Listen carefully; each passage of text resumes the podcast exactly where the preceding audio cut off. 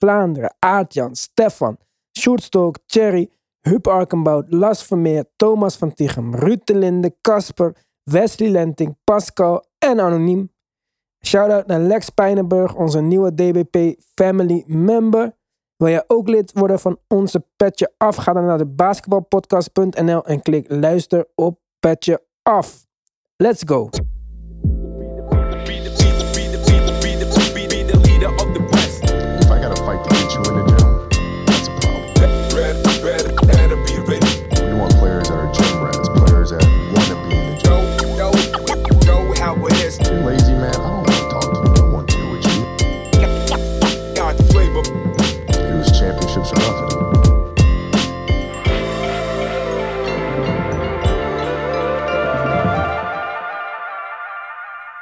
We hadden twee hoofdstorylines deze week. Jimmy Butler en coach Spoelstra gingen bijna op de vuist met elkaar. De Heat verloren ook vier wedstrijden op rij en moesten hun eerste plek in het oosten afstaan aan Philadelphia. En in de vorige aflevering zei ik nog dat er voorlopig geen verandering zou komen in de speelstatus van Kyrie Irving. Nou was die podcast nog maar net, net upgeload. En toen kwam het nieuws naar buiten dat de regels voor topsporters en performers in New York worden aangepast. Mijn teleurstelling dat de podcast minder up-to-date was, werd al snel omgezet in enthousiasme. Want met een spelende Kyrie zijn de Nets contenders, naar mijn mening. En worden de playoffs op zijn minst een stuk spannender.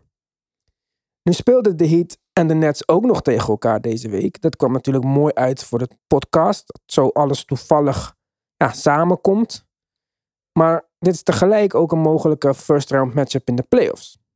Altijd spannend, zulke wedstrijden. Daar kijk je naar uit.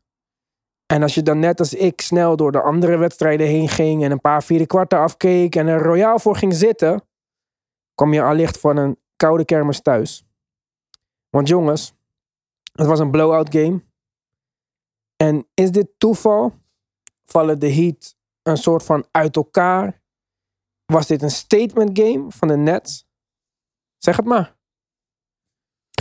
Ik vond het wel een, eh, een statement game van de Nets. Ik eh, heb nog steeds mijn twijfels of de Heat echt uit elkaar vallen zijn. Eh, ik zou me inmiddels wel zorgen gaan maken. Ik denk dat ze dat ook wel doen daar.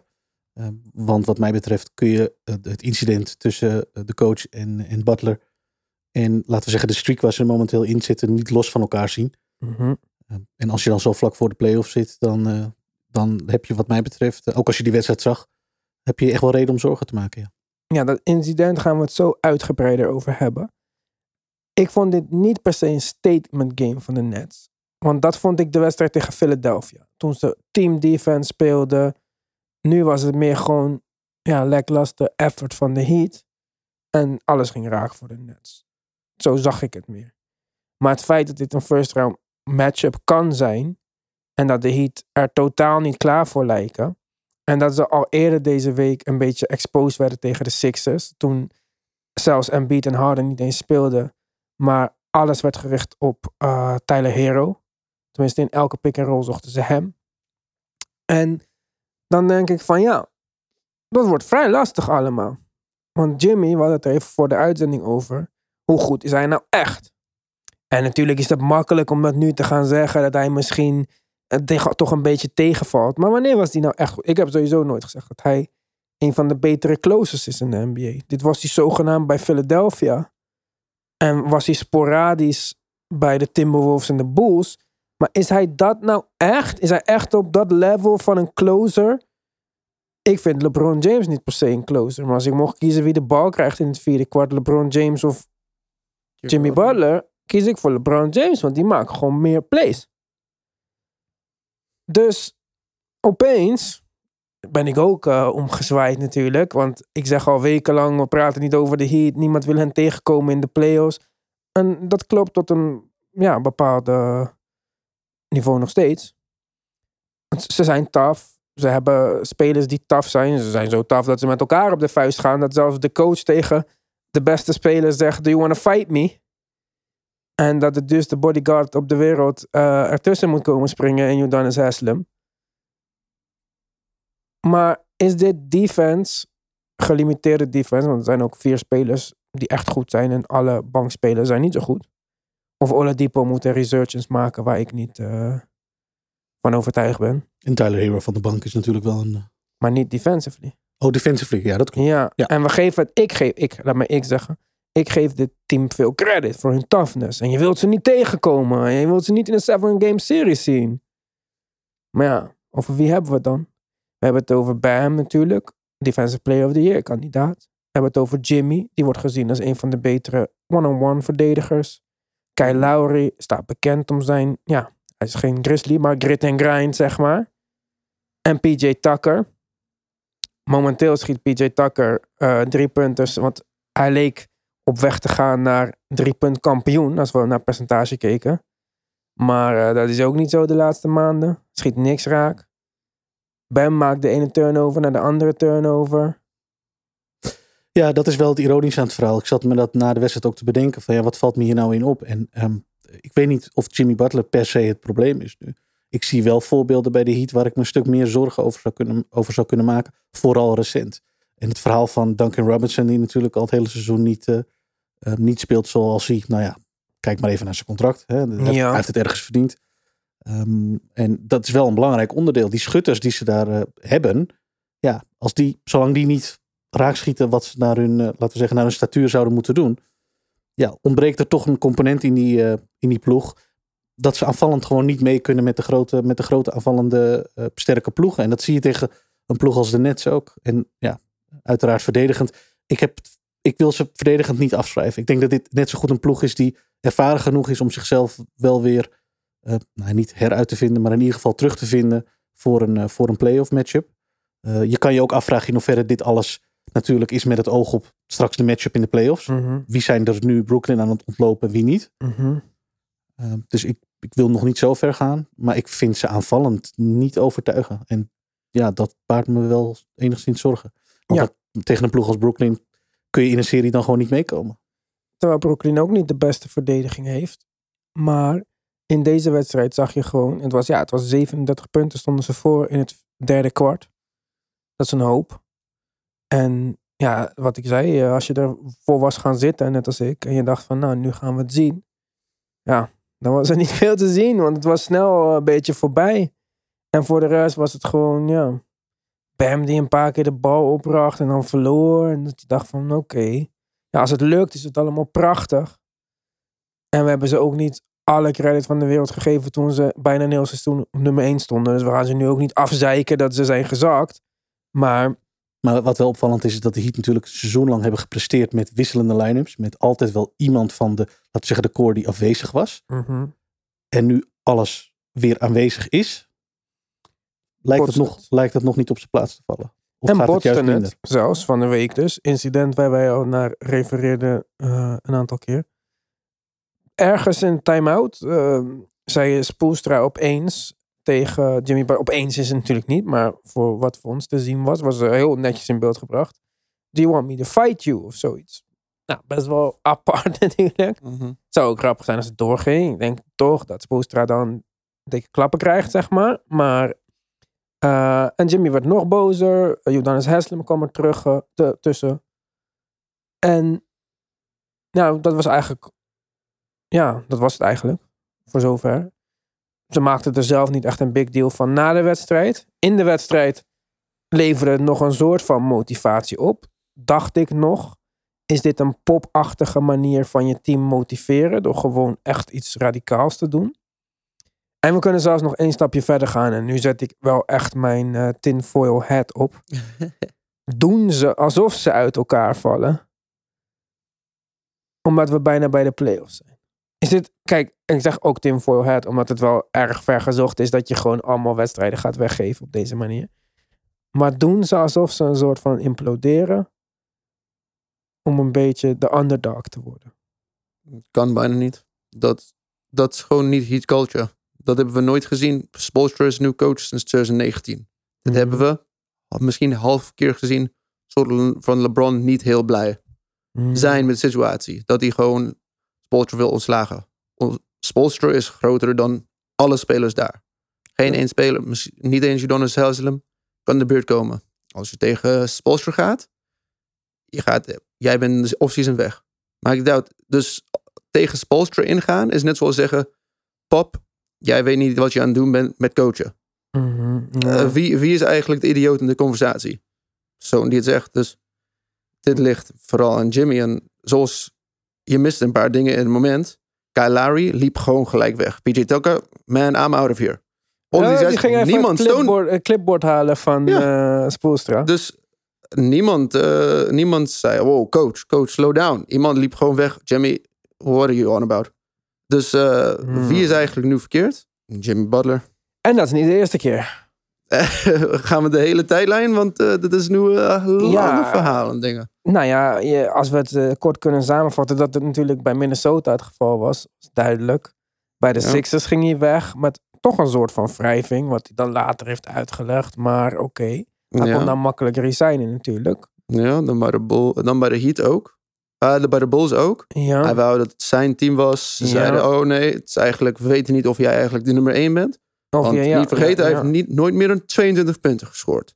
Oké, Noem eens een topspeler in de NBA die niet meer dan 22 punten per wedstrijd kan scoren. Scottie Pippen. Oké, maar moderne NBA. Hebben we vorige moderne NBA. Misschien kan je zeggen Rudy Gobert, maar dat is geen topspeler. Ben Simmons. Is hij echt vol max gekregen? Vol max? Ja. Hij heeft de flexball max gekregen, toch? Afhankelijk Nee, van hij- Bennett van, Bennett, van, Bo- van eh, zijn prestaties kreeg Ah, hij meer, was toch? een trade kicker en zo. Nee, nee, het ging. Oké, oké, fair play. Dat is ook Ja. goed uitgepakt. Maar eh in andere instanties, zelfs in zijn college tijd, had hij issues met, van hij het beste botsen, Buzz Williams heet hij, en hij is ook een confrontatieachtige coach. Bij Marquette. Ja, en toen had hij ook wel issues mee. En het Hmm. lijkt alsof na twee, drie jaar is Jimmy gewoon klaar. Hij wil gewoon dat iedereen hard werkt, hard werkt. Zoals Phil Jackson altijd zei. Mensen snappen dit soort mensen niet. Ze denken dat mensen harder kunnen werken. Maar als mens, Jimmy denkt dat iedereen zijn niveau kan halen. Maar welk niveau is dat Ja, dan? maar in zijn hoofd. Hè? We gaan even in zijn hoofd. Maar mensen Mhm. kunnen dat niveau. Mensen weten niet dat ze 150% e- harder kan werken. Dat is gewoon niet... Ga je tegen Swaggy P bijvoorbeeld zeggen... Harder werken? Nee, dat kan niet. Hij weet niet eens dat soort dingen. Nee, dat snap ik. Maar kijk, bij de Heat werkt iedereen hard, toch? En daarom was dit toch zo'n perfecte fit eigenlijk. Daarom waren we allemaal, was ik ook positief Mhm. gewoon, zeg maar. Ik dacht van, ik was niet zo onder de indruk van Jimmy bij Philadelphia. En daarvoor was ik niet echt fan van hem. Ik vond dat bij Timberwolves een beetje gênant hoe dat zich Mhm. uitspeelde. Met Rachel Nichols bellen en weet ik veel allemaal wat. Maar hier leek het gewoon echt een perfecte fit. Echt de Heat coach, eh, Jimmy Butler. Iedereen kan tegen een stootje. En toch zien we dan dit. Wat ik zei van, misschien was het zijn manier of Spoelstra's manier om het team te motiveren in die wedstrijd. Want er werd wel een spark geleid, zeg maar. Misschien niet. Misschien is het toeval dat wij dit nu zien. En gebeurt dit bij elk team wel een paar keer per jaar, maar dan achter gesloten deuren. Nou, dat geloof ik niet zo. Aan de andere kant denk ik wel nog steeds, daar ben ik echt wel van overtuigd, dat als, er bij, dat als dit bij een team kan, dan is het bij de Heat. En als, dit, eh, als daar iemand bij betrokken is, is het Butler. Dit is een soort van zijn manier ook. En ik denk dat de, eh, wat dat betreft de reactie van Spoelstra wel goed was. Omdat volgens mij is reageren naar, naar Butler op deze manier is de enige manier waarmee je een signaal terug kan geven naar die jongen. Want het is inderdaad wel, het begint een soort tendens te worden dat als hij ergens een tijd is en het gaat niet helemaal zoals hij wil, dan, zoekt hij de confrontatie. Ja. Linksom of rechtsom. Nou ja, dan ben je bij de Heat, denk ik, aan het verkeerde adres. Dus als er een ploeg is die dat kan, laten we zeggen, deze turmoil kan, kan absorberen en hiermee om kan gaan. En straks nog gewoon een, een degelijke playoff run neerzetten, zo niet succesvol. Dan is het wat mij betreft de Heat. Dus ja, ik, ik zou nog niet meteen... Maar eh, dat hebben ze nooit meegemaakt. De, de- twee jaar geleden hebben ze alleen de finales gehaald omdat ze abnormaal hot waren. Tegen, tegen Boston, niet vergeten, Tyler Hero heeft 40 punten gescoord. Hij heeft dat maar een paar keer gedaan dit seizoen zelfs. Hè? Ja, oké, maar Duncan Robinson kon niet missen. Bijna 60% van de driepuntlijn. ja. Zelfs waren ze, dat was eigenlijk zelfs een outlier. Deze team Maar denkt toen dat ze hadden veel ze ook beter geen zijn. Kyle Lowry en eh, ook geen PJ Tucker natuurlijk. Dus het is sowieso Maar een Jay ander Crowder en Goran Dragic op een. Ja, betere niveau. Oké, Dat zijn wel- Fair enough. Ja, Maar het is natuurlijk wel een ander team. En ja, wat ik al zei eerder, ik vond ze echt een playoff team. Mhm. En nu is het altijd natuurlijk die recency bias waar je een beetje voor moet oppassen. Want ze verliezen nu vier wedstrijden op rij. Vind ik ze dan gelijk geen contender meer? Nou, niet per se daarom, maar meer omdat ze verliezen op deze manier van deze Nets. Die niet echt in top conditioning zijn. En die ook nog Ben Simmons missen. Ik weet niet of hij ooit nog terugkomt. Ik hoop het wel voor de playoffs. Want anders komen zij ook, denk ik, weer iets tekort. Ook al, ja, met KD en Kyrie, hoeveel kan je nog tekort komen? Want deze mensen zijn wel echt, ja, qua scoring zijn ze denk ik gewoon, qua, ja, scoring as in shot creation, zijn ze wel 1 en 2 in de league, denk ik. Ik zou niet weten wie, eh, ja, misschien Embiid, maar die regelt vrije worpen. Nog een mooie uitspraak van Ty Lue trouwens, die zei over Harden en Embiid. Zijn eerste en derde in de NBA in vrije worpen genomen. Zonder vrije worpen hadden ze alle twee niet in de top 10 van scorers gestaan. Even tussendoor. Altijd eh shade eh, time eh, in deze podcast. Maar ehm, ja, dat brengt ons dus bij de Nets. Want waarom zijn we nu opeens enthousiast over de Nets? Nou, dat nieuws waar we het hele seizoen eigenlijk op wachten. Gaat die Mayor Eric eh, Adams, als ik me niet vergis, Mhm. gaat hij die regels aanpassen? Het ging om de ja, werkvergunningen die je dan moest hebben om aan het werk te kunnen in New York zonder eh, vaccinatie, die Kyrie natuurlijk niet had. Nou, het leek er even niet op, totdat de MLB toch besloot dat ze maar weer eens een keertje moesten gaan spelen. En wie zijn er een stuk groter dan de Nets en zelfs dan de Knicks in New York? De Yankees. Dat zijn de Yankees, waar ook een aantal ongevaccineerde spelers rondlopen. Dus dat was niet geheel toevallig, denk ik, dat dat nu kwam. Kijk, je kan Kyrie laten zitten, dat gaat jou niet veel stemmen kosten. Maar als je in New York de Yankees eh, benadeelt, denk ik niet dat je kan, eh, ja, dat, je nog een, dat het nog veel zin heeft om voor een second term te gaan. Ja. Dus Kyrie mag spelen. Behalve tegen Toronto dan op dit moment. Maar eh, hij mag thuis spelen in ieder geval. In die eerste ronde in de play-in tourney kunnen ze overigens Toronto heel makkelijk nog treffen. Dus dat kan dan nog wel tricky worden. Geen Ben Simmons, geen... Maar ja, dan hebben ze altijd nog die tweede kans. Want dan spelen ze als verliezer tegen de winnaar van de 9 en de 10 seed. Dus ehm, Gegeven is wel, en dat mag wat mij betreft wel worden aangetekend, zowel Toronto als Charlotte. Charlotte zou de eventuele winnaar van de 19 seed worden. Tenminste, mag je op hopen. Atlanta Charlotte is tegen Atlanta, Atlanta ja. is de andere. Ja, maar Charlotte doet het recent heel goed. Toronto ook. Het zijn Ja. twee ploegen die in goede doen zijn. Dus ja, ik, ik geef het ze te doen hoor. Kan ik even aansluiten? Even snel. Het Ja. staat nu, het is alleen van hoe we nu opnemen, is, zijn de Cavaliers zevende. Hè? Dus ze zouden tegen de Cavs spelen. oh. En dan is het, eh, wat zegt Shaq? Barbecue chicken. Ja. Voor mijn gevoel. Eh, dus, Mij betreft ook. dan missen ze Ja. zelfs. En dan moet eh, de ja, maar ze staan, de Cavs staan gewoon echt zevende. Ja, Toronto natuurlijk. staat zelfs een wedstrijd voor. Dus eh, dan is het zelfs makkelijker. Dan is het, als het zo zou beëindigen, zouden de Nets denk ik heel blij zijn, toch? Dan Ja. worden net zevende. En dan komen ze in de eerste ronde tegen Miami. Zoals het er nu voor staat. Zoals het er nu Ja. voor staat. Maar En dat is zo close daar. Dat kan ja, echt nog... want eh, op een halve wedstrijd daarachter staat Boston en een halve wedstrijd daarachter staat Milwaukee. Ja, hier is Mark blij. Hij heeft sowieso zijn weddenschap met mij gewonnen, wat mijn eerste verlies in de geschiedenis betekent. Pijnlijk, maar waar. Ja. Eh, is, 46 wins voor Boston. Ik zei under. Jij zei 46 of hoger. Volgens mij een van die twee. Maar ook al wordt Ja. het eh, 47. Ze gaan er nog wel eentje winnen. En hij nadert eh, ook zijn eh, winst op Tim. Als Boston dus de tweede plek bemachtigt. Gaat eh, goed met Mark dit jaar eh, qua weddenschappen. Ja, nou ja. Maar ja, dus eerste ronde dan misschien of in de play-in tegen Cleveland. En dan kom je dus tegen of Philly, of Miami, of Boston, of Milwaukee. Dat is de realistische. eh, precies. en dat kan allemaal, want eh, Philly en Miami staan gelijk. Boston en Milwaukee staan een halve game achter. Dus dat, dit scheelt echt zo weinig. Ja. Bizar. Wat is de slechtste matchup voor de Nets? Slechtste matchup sowieso is als Toronto in de eerste ronde zak, want dan mag Kyrie niet spelen. Maar goed, ervan uitgaan dat ze tegen Cleveland komen, die winnen. Wat is dan de slechtste matchup? Ik wil wel de Nets tegen Philadelphia zien in de eerste ronde Ja, natuurlijk. Dat zou wel leuk zijn.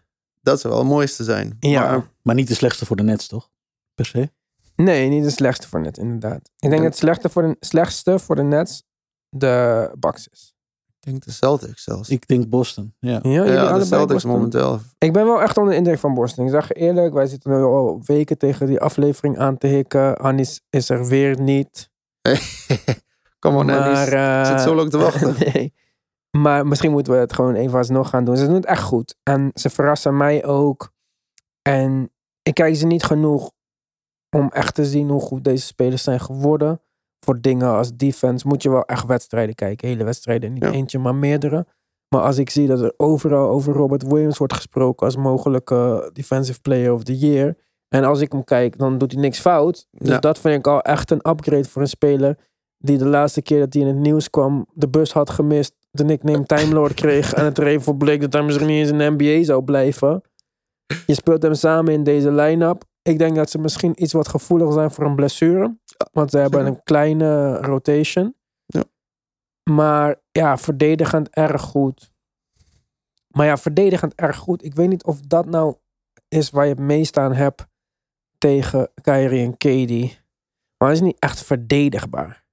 Nou ja, wat mij betreft is de combinatie van niet alleen een hele goede verdediging, maar ook het gegeven dat Boston al het hele seizoen goede, niet alleen slechte, maar ook goede teams echt dik, dik verslaat. Mm. Dat is wel een, dat vind ik wel een, eh, een, eh, een, een, een goed teken, zeg maar. Dus dat je aanvallend ook wel echt, eh, nou ja, hè, niet alleen maar close games speelt, maar eh, ook je concurrenten gewoon echt helemaal recent, want er staat echt geen maat op ze. Ja. Dik verslaat. En als we kijken naar dit jaar alleen maar, dus sinds 1, 1 januari, zijn ze zesde beste offense, eerste beste defense. Dus het is niet alsof ze niet kunnen scoren. En Nee, nee, hey, nee. Dat, is, dat is echt wel een aardig. Dat is, dat is 38 wedstrijden. Oké, maar als de playoffs vandaag beginnen dan. En iedereen is fit op Ben Simmons na, want dat weten we niet dat Ja. gaat gebeuren. Maar Seth Curry is fit en dat soort dingen. En het wordt net tegen Boston in de eerste ronde. Dan denken jullie? Net een 7. Net in zeven. Ja. Jij? Dat zou ik nu ook zeggen, ja. En dit was jullie moeilijkste Ja. team, Boston. Dus Ja. dat betekent dus eigenlijk dat de Nets tweede ronde gaan halen, volgens jullie. Zeker. Zo, Maar dat is. ik ja, dacht echt, we krijgen nu een betoog voor de Celtics. Maar eh, ja, eh, Nee, ik denk dat de Celtics het slechts liggen. En daarom denk ik ook wel echt dat ze, dat ze heel diep moeten gaan om, om een team als de Celtics uit te schakelen. Ja. Eh, maar ik denk wel dat ze dat kunnen met Kyrie. Kyrie maakt wat mij betreft al het verschil. ja. En nu die er is, en je ziet wat ze tegen Heat doen, maar dit is niet de eerste keer. De Nets hebben vaker signalen afgegeven dit seizoen.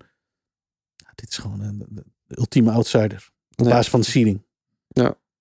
Iedereen kan hot worden. Hè? Gisteren, de andere laatste wedstrijd was Seth Curry een beetje hot. En de Ja. wedstrijd kan Patty Mills super cool zijn, maar dan hoef je hem niet eens te spelen. ja. Blake Griffin, ik, ga, ik durf niet te zeggen Ja, dat hij goed speelt. Maar hoor. ineens Ja, lijkt hij alsof hij wat hoog kan spelen. Niet, Maar die verwacht ik in een playoff, eh, met, in een playoff eh, serie niet, eh, niet, niet serieus minuten maken. Inderdaad. Wat is met Aldridge? Komt hij terug of niet? durf ik niet te zeggen. Maar dat was in principe natuurlijk een starting big man. Ik vind dat Drummond het best wel aardig doet hoor. dat vind ik ook. Next week zal hij terugkomen. Oké, nog een extra. Ik denk van de bank. Ik neem aan dat Drummond blijft starten. Ik vind dat dit best wel goed werkt. Of misschien niet. Want Bruce Brown en Drummond kan je misschien wel uitvinden in een playoff serie. Ja, ik denk, ik denk Drummond zal blijven starten. Hij vindt het, het is belangrijk voor zijn confidence. Gewoon dat hij een beetje kan beginnen. Pas de Ja, eerste zes en van minuten. de bank, wat gaat hij doen van de bank? Het is Niet Precies. alsof hij erin komt en eh schot, Ja. schot gaat creëren. Als, als je, En hij voorziet wel in een behoefte die de Nets heel erg hadden. Ja. Die rebounding en die, laten we zeggen, die presence in de paint. Niet dat Drummond nou je per se defensive anchor moet zijn of zo. Maar wat op zich ook raar is dat hij dat niet is. Drummond? Hij heeft wel het lichaam hiervoor. Ja, maar hij heeft, ik vind zijn, ik blijf zijn basketbal IQ niet best vinden. Maar waarom die- kan hij rebounden dan? Dat is toch ook Ja, daar heeft hij wel- voor nodig. Ja, dat, in- de vraag is in welke mate dat zo is. Ja, de- je zou zeggen van wel, eh, maar daar heeft, hij, daar heeft hij wel duidelijk een goed gevoel voor. Ja, dat, dat, dat, dat springt er al uit. Dat doet Ja. hij heel goed. En dat was iets wat de Nets echt, echt nodig hadden. Dus ja, ik ben ook eh, erg, erg enthousiast over Drummond. Welke team is het moeilijkst voor hun, denk je? Jij, jij was niet echt over eens met de Celtics per se. Bucks, sta je? Ik Waarom? denk Bucks. Ik denk dat we allemaal de Bucks een beetje onderschatten. En Brook Lopez is nou terug en doet het vrij aardig. Ja, waarom zou ik de Bucks onderschatten? En dan als ik vraag. Volgend jaar heeft KD het na zeven wedstrijden gebracht. Twee keer heeft Middleton boven 40 punten moeten scoren. Middleton, hè? Also, eh, een goede speler. Ja, ja, en Milton is En- dit jaar niet zo goed. En Ja, ja, de PJ Tucker om KD lastig te vallen. Ik snap, de, ik snap Ja. dat. En deze keer heb je Kyrie. Als, Ja, als, hij, als hij niet geblesseerd raakt. Ja, want dat is Dat ook ja. iets. Hè. We hebben nu Kyrie gezien elke keer met drie wedstrijden rust ertussen. Maar die had, jongen had ook de laatste paar jaar last van blessures. Misschien was dit ook gewoon een ideaal ritme voor hem. Overigens heeft hij ook gezegd toen ze hem vroegen van ga je blijven in eh, New York?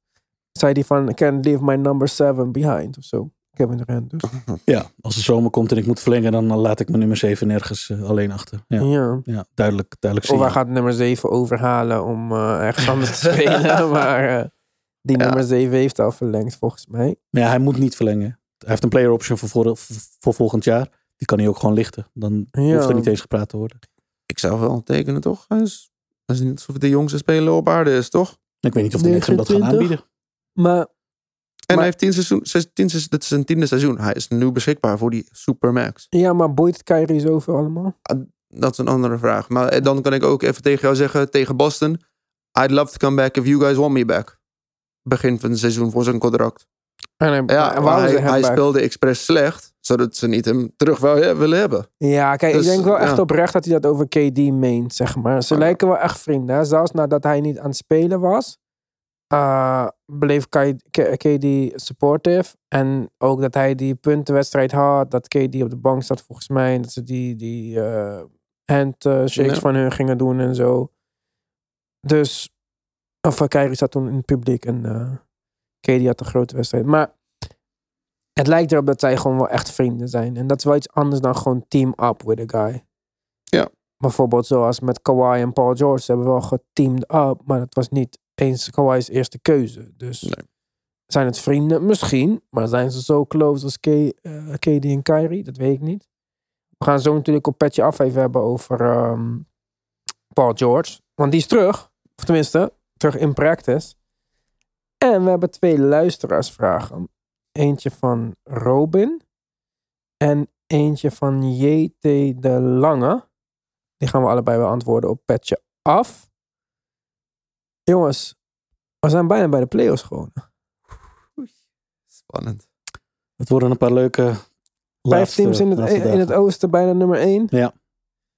Beste NBA playoffs dat wij hebben ooit sa- samen meegemaakt, denk je?